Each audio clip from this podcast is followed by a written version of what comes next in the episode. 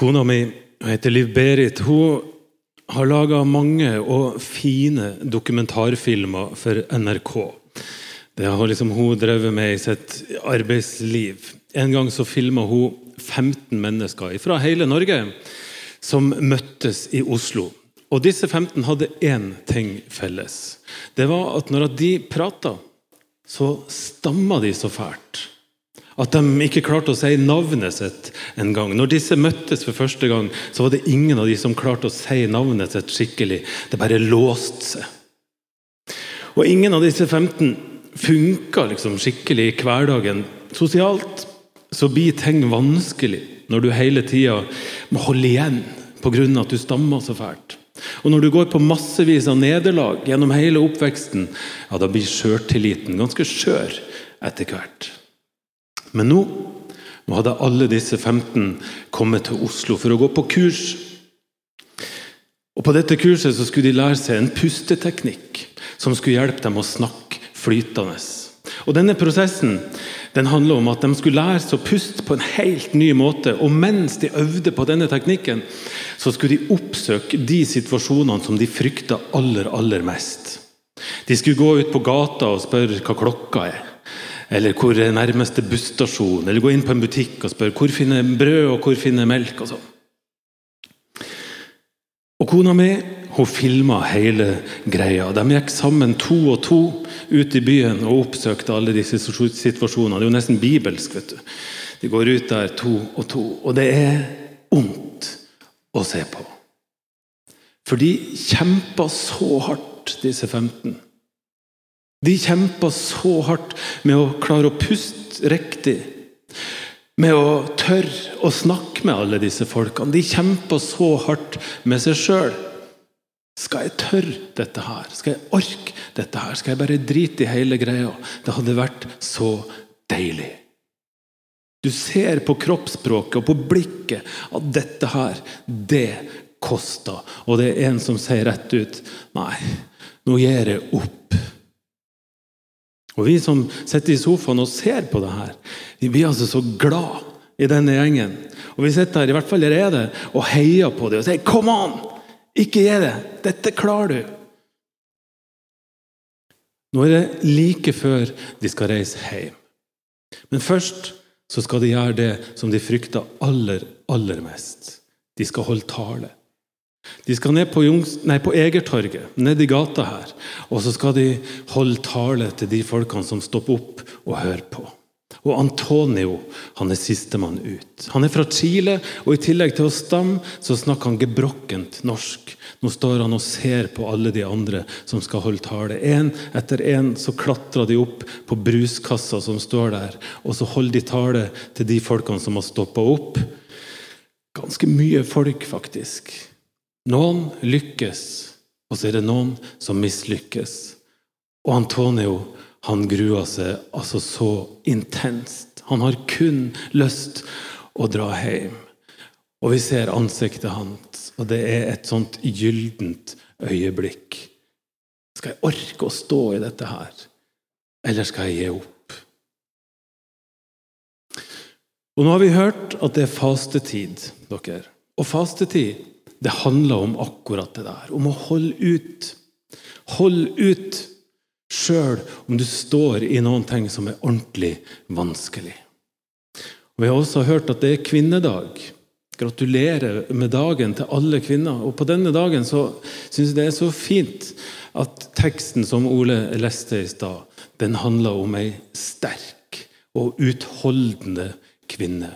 Ei som ikke ga seg sjøl om det så håpløst ut.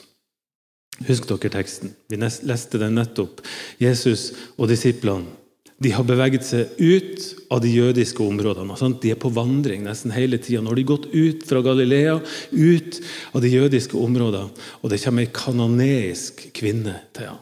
Og så roper hun Ha barmhjertighet med meg. Dattera mi blir plaga av en ond ånd. Og Man skulle jo tro at Jesus møtte denne dama med omsorg og med medlidenhet. ikke sant? Sånn som han ofte gjorde, og nesten alltid gjorde, når han møtte folk som var i trøbbel. Men det gjør han altså ikke. Jesus er rett og slett ordentlig kjip. Han svarte henne ikke med et ord. Han er taus. Og disiplene, til og med, de sier 'bli ferdig med henne der nå'. Og som om ikke det er nok, det skal bli verre. Denne dama gir seg ikke, men hun kaster seg for føttene til Jesus og så sier hun, 'Hjelp meg, da, Herre'. Så svarer Jesus, 'Jeg er ikke sendt til noen andre enn de bortkomne sauene i Israel.' Derfor er det ikke rett å ta brødet fra barna og gi det til hundene. Og hva er det Jesus sier her? Jo, denne dama her, hun var ikke jøde. Hun var kanoneisk, hun var en hedning. Hun tilhørte et folk som lå i strid med israelittene. Hun var urein på alle vis, og det er helt upassende at denne samtalen finner sted. Det rare er at mange ganger så, så det ut til å ikke bry Jesus i det hele tatt. At folk var ureine eller kom fra feil sted eller hadde feil oppvekst. eller noen ting. Men nå holder han altså avstand. Og så sier han jeg har kommet for å gi mat til mine folk, til Israels folk. Hvorfor skal jeg ta det fra dem og så gi til det i stedet? Det er mange som har ønska at denne teksten ikke sto i Bibelen. For Jesus kommer altså ikke så godt ut av det i dag. Han er rett og slett kjip.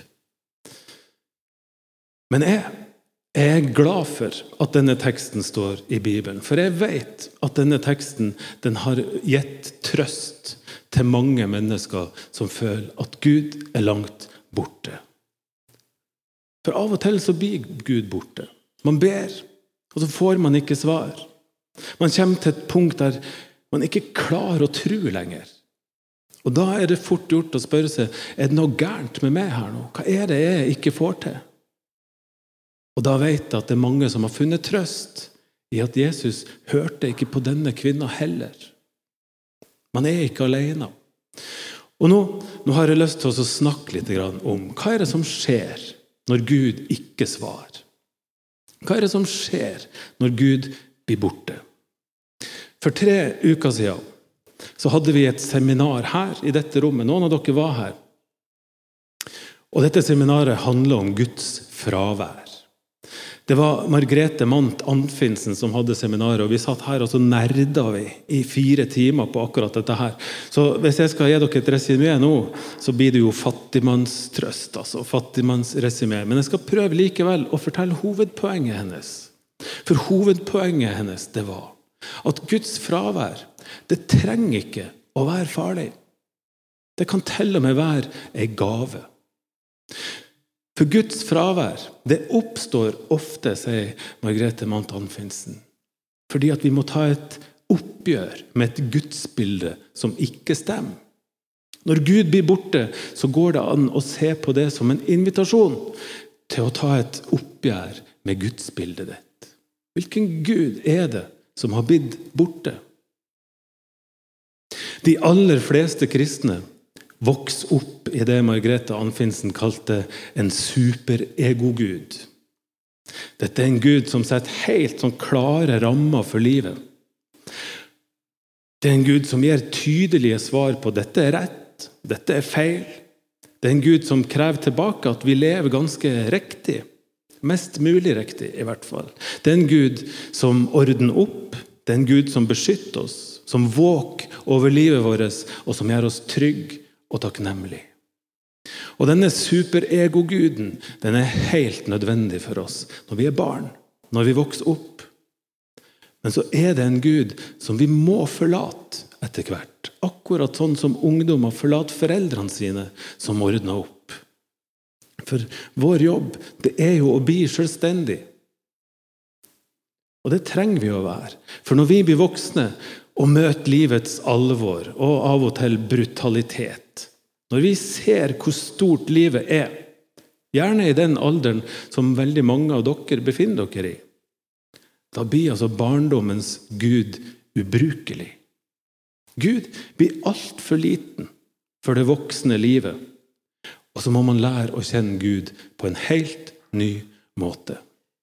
Det snakka vi om på seminaret. Og det er i denne situasjonen her, gjerne samtidig som vi opplever helt naturlige, vanlige menneskelige ting, Som at en drøm ikke går i oppfyllelse, eller vi mister jobben vår, eller vi får ikke dette bønnesvaret. Og så blir Gud borte.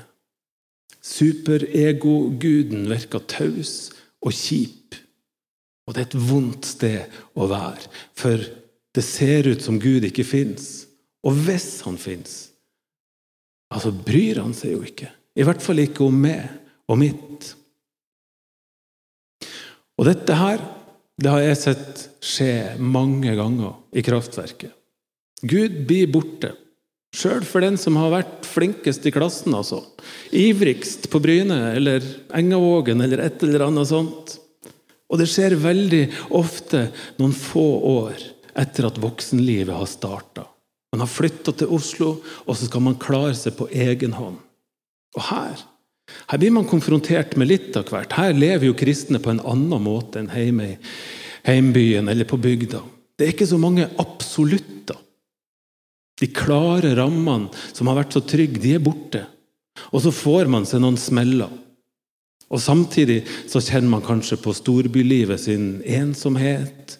Man får kjærlighetssorg på ordentlig for første gang. et eller annet sånt. Og så oppdager man at livet det er blitt så mye større enn det noen gang har vært. Og Gud er taus.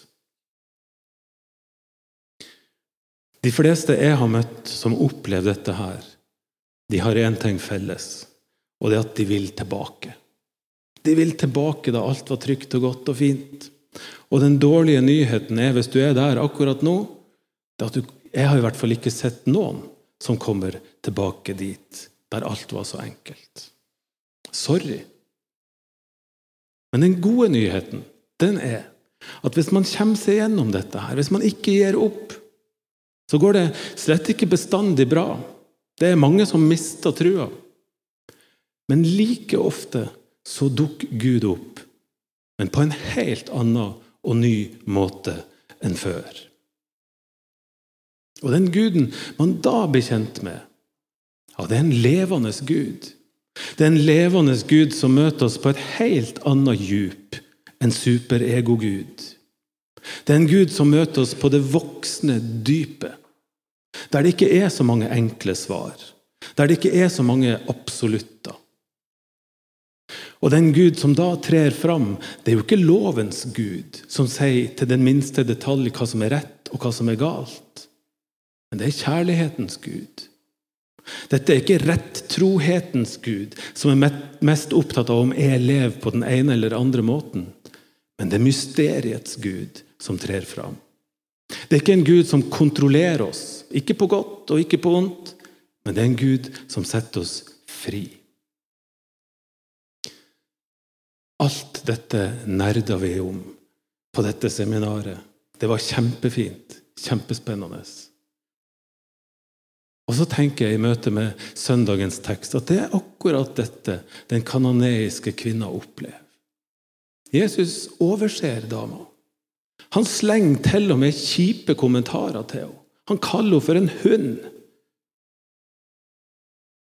Det enkleste ville jo vært å gi seg. Gå vekk, forlate Jesus, slå seg til ro med at det fins jo ikke noe guddommelig over den fyren her. På et eller annet vis så får jeg bare klare meg på egen hånd, da. Men så blir hun altså værende. Hun gir ikke opp. Hun prøver en gang til. Og så svarer hun ja. Hundene de spiser jo smulene som ramler ned fra bordet og ned på gulvet. En sånn smule, det er nok for meg. Og da skjer det. Jesus ser henne og sier, 'Trua di er stor. Den er jammen utholdende. Det skal bli som du vil.' Og straks ble dattera frisk. Etter å ha vært taus så viser Jesus sin guddommelighet, og så møter han denne dama sine innerste behov. Det gikk bra for den kanoneiske kvinna. Det er dessverre ikke alltid det går bra. Og Hvis du sitter her nå og tenker at Gud er borte, jeg har det akkurat sånn, Gud er taus, så kan ikke jeg love at Gud kommer til å vise for det. Men det jeg ønsker å si i dag, hele poenget mitt i dag, det er at jeg ønsker å oppmuntre til å ikke gi opp likevel. Jeg har som sagt sett mange ganger at trua viskes bort.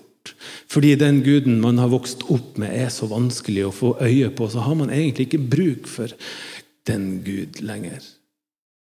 Og Av og til så blir man skuffa, sjøl om man står i kampen, sjøl om man ikke gir opp. Men andre ganger så ligger det noe veldig, veldig godt og venter på oss bak den kampen som vi kjemper. Kampen kan føre til at Gud trer fram på en helt ny måte. Og Hvordan dette skjer, det er jo individuelt, men hvis du tenker at dette kjenner meg igjen i, så kan du vite at jeg er tilgjengelig, og Maria, som også er pastor her, vi er klar for å ta en prat hvis dere har lyst til det. Og Det er jo ikke fordi at vi har svarene på dette. her. Vi vet ikke så mye mer enn dere, men vi har sett litt av dette her skje. Og vi kan i hvert fall gå sammen med dere et godt stykke. Og kanskje gjør det lettere å ikke gi opp. Det er i så fall bare å huke tak i meg etterpå, eller så finner du kontaktinfo på kraftverket.no, og så tar du kontakt, og så lager vi en avtale. For håpet er jo at det ligger noe godt og venter på oss. Det kan gå bra. Det gjør av og til det. Og det gjorde det for Antonio. Husker dere han? Som stamma så fælt, og som var på vei opp på bruskassa for å møte sin verste frykt, og som hadde lyst å gi opp. Han ga ikke opp. Han gikk opp på bruskassa sjøl om han, han var livredd. Og så begynte han å fokusere på pusteteknikken, og så fikk han det til. Han snakka flytende for aller første gang i hele sitt liv. Hei, sa han utover Egertorget. Jeg heter Antonio. Jeg bor i Bergen, men jeg er i Oslo for å lære meg å snakke. Men det er så vanskelig, for jeg stammer så fælt. Men nå, nå holder jeg min første tale i hele livet. Og det gikk jo ganske bra. Takk for at dere hørte på. Og så gikk han ned. Og der ble det full jubel, det skal jeg love dere. Han ble overfalt og omfavna av de andre som hadde heia på ham og oppmuntra ham. Det hender at det går bra også. Nå må bandet komme fram og gjøre seg klar. Vi skal synge sammen 'O bli hos meg', og så skal vi ha feir nattvær etterpå.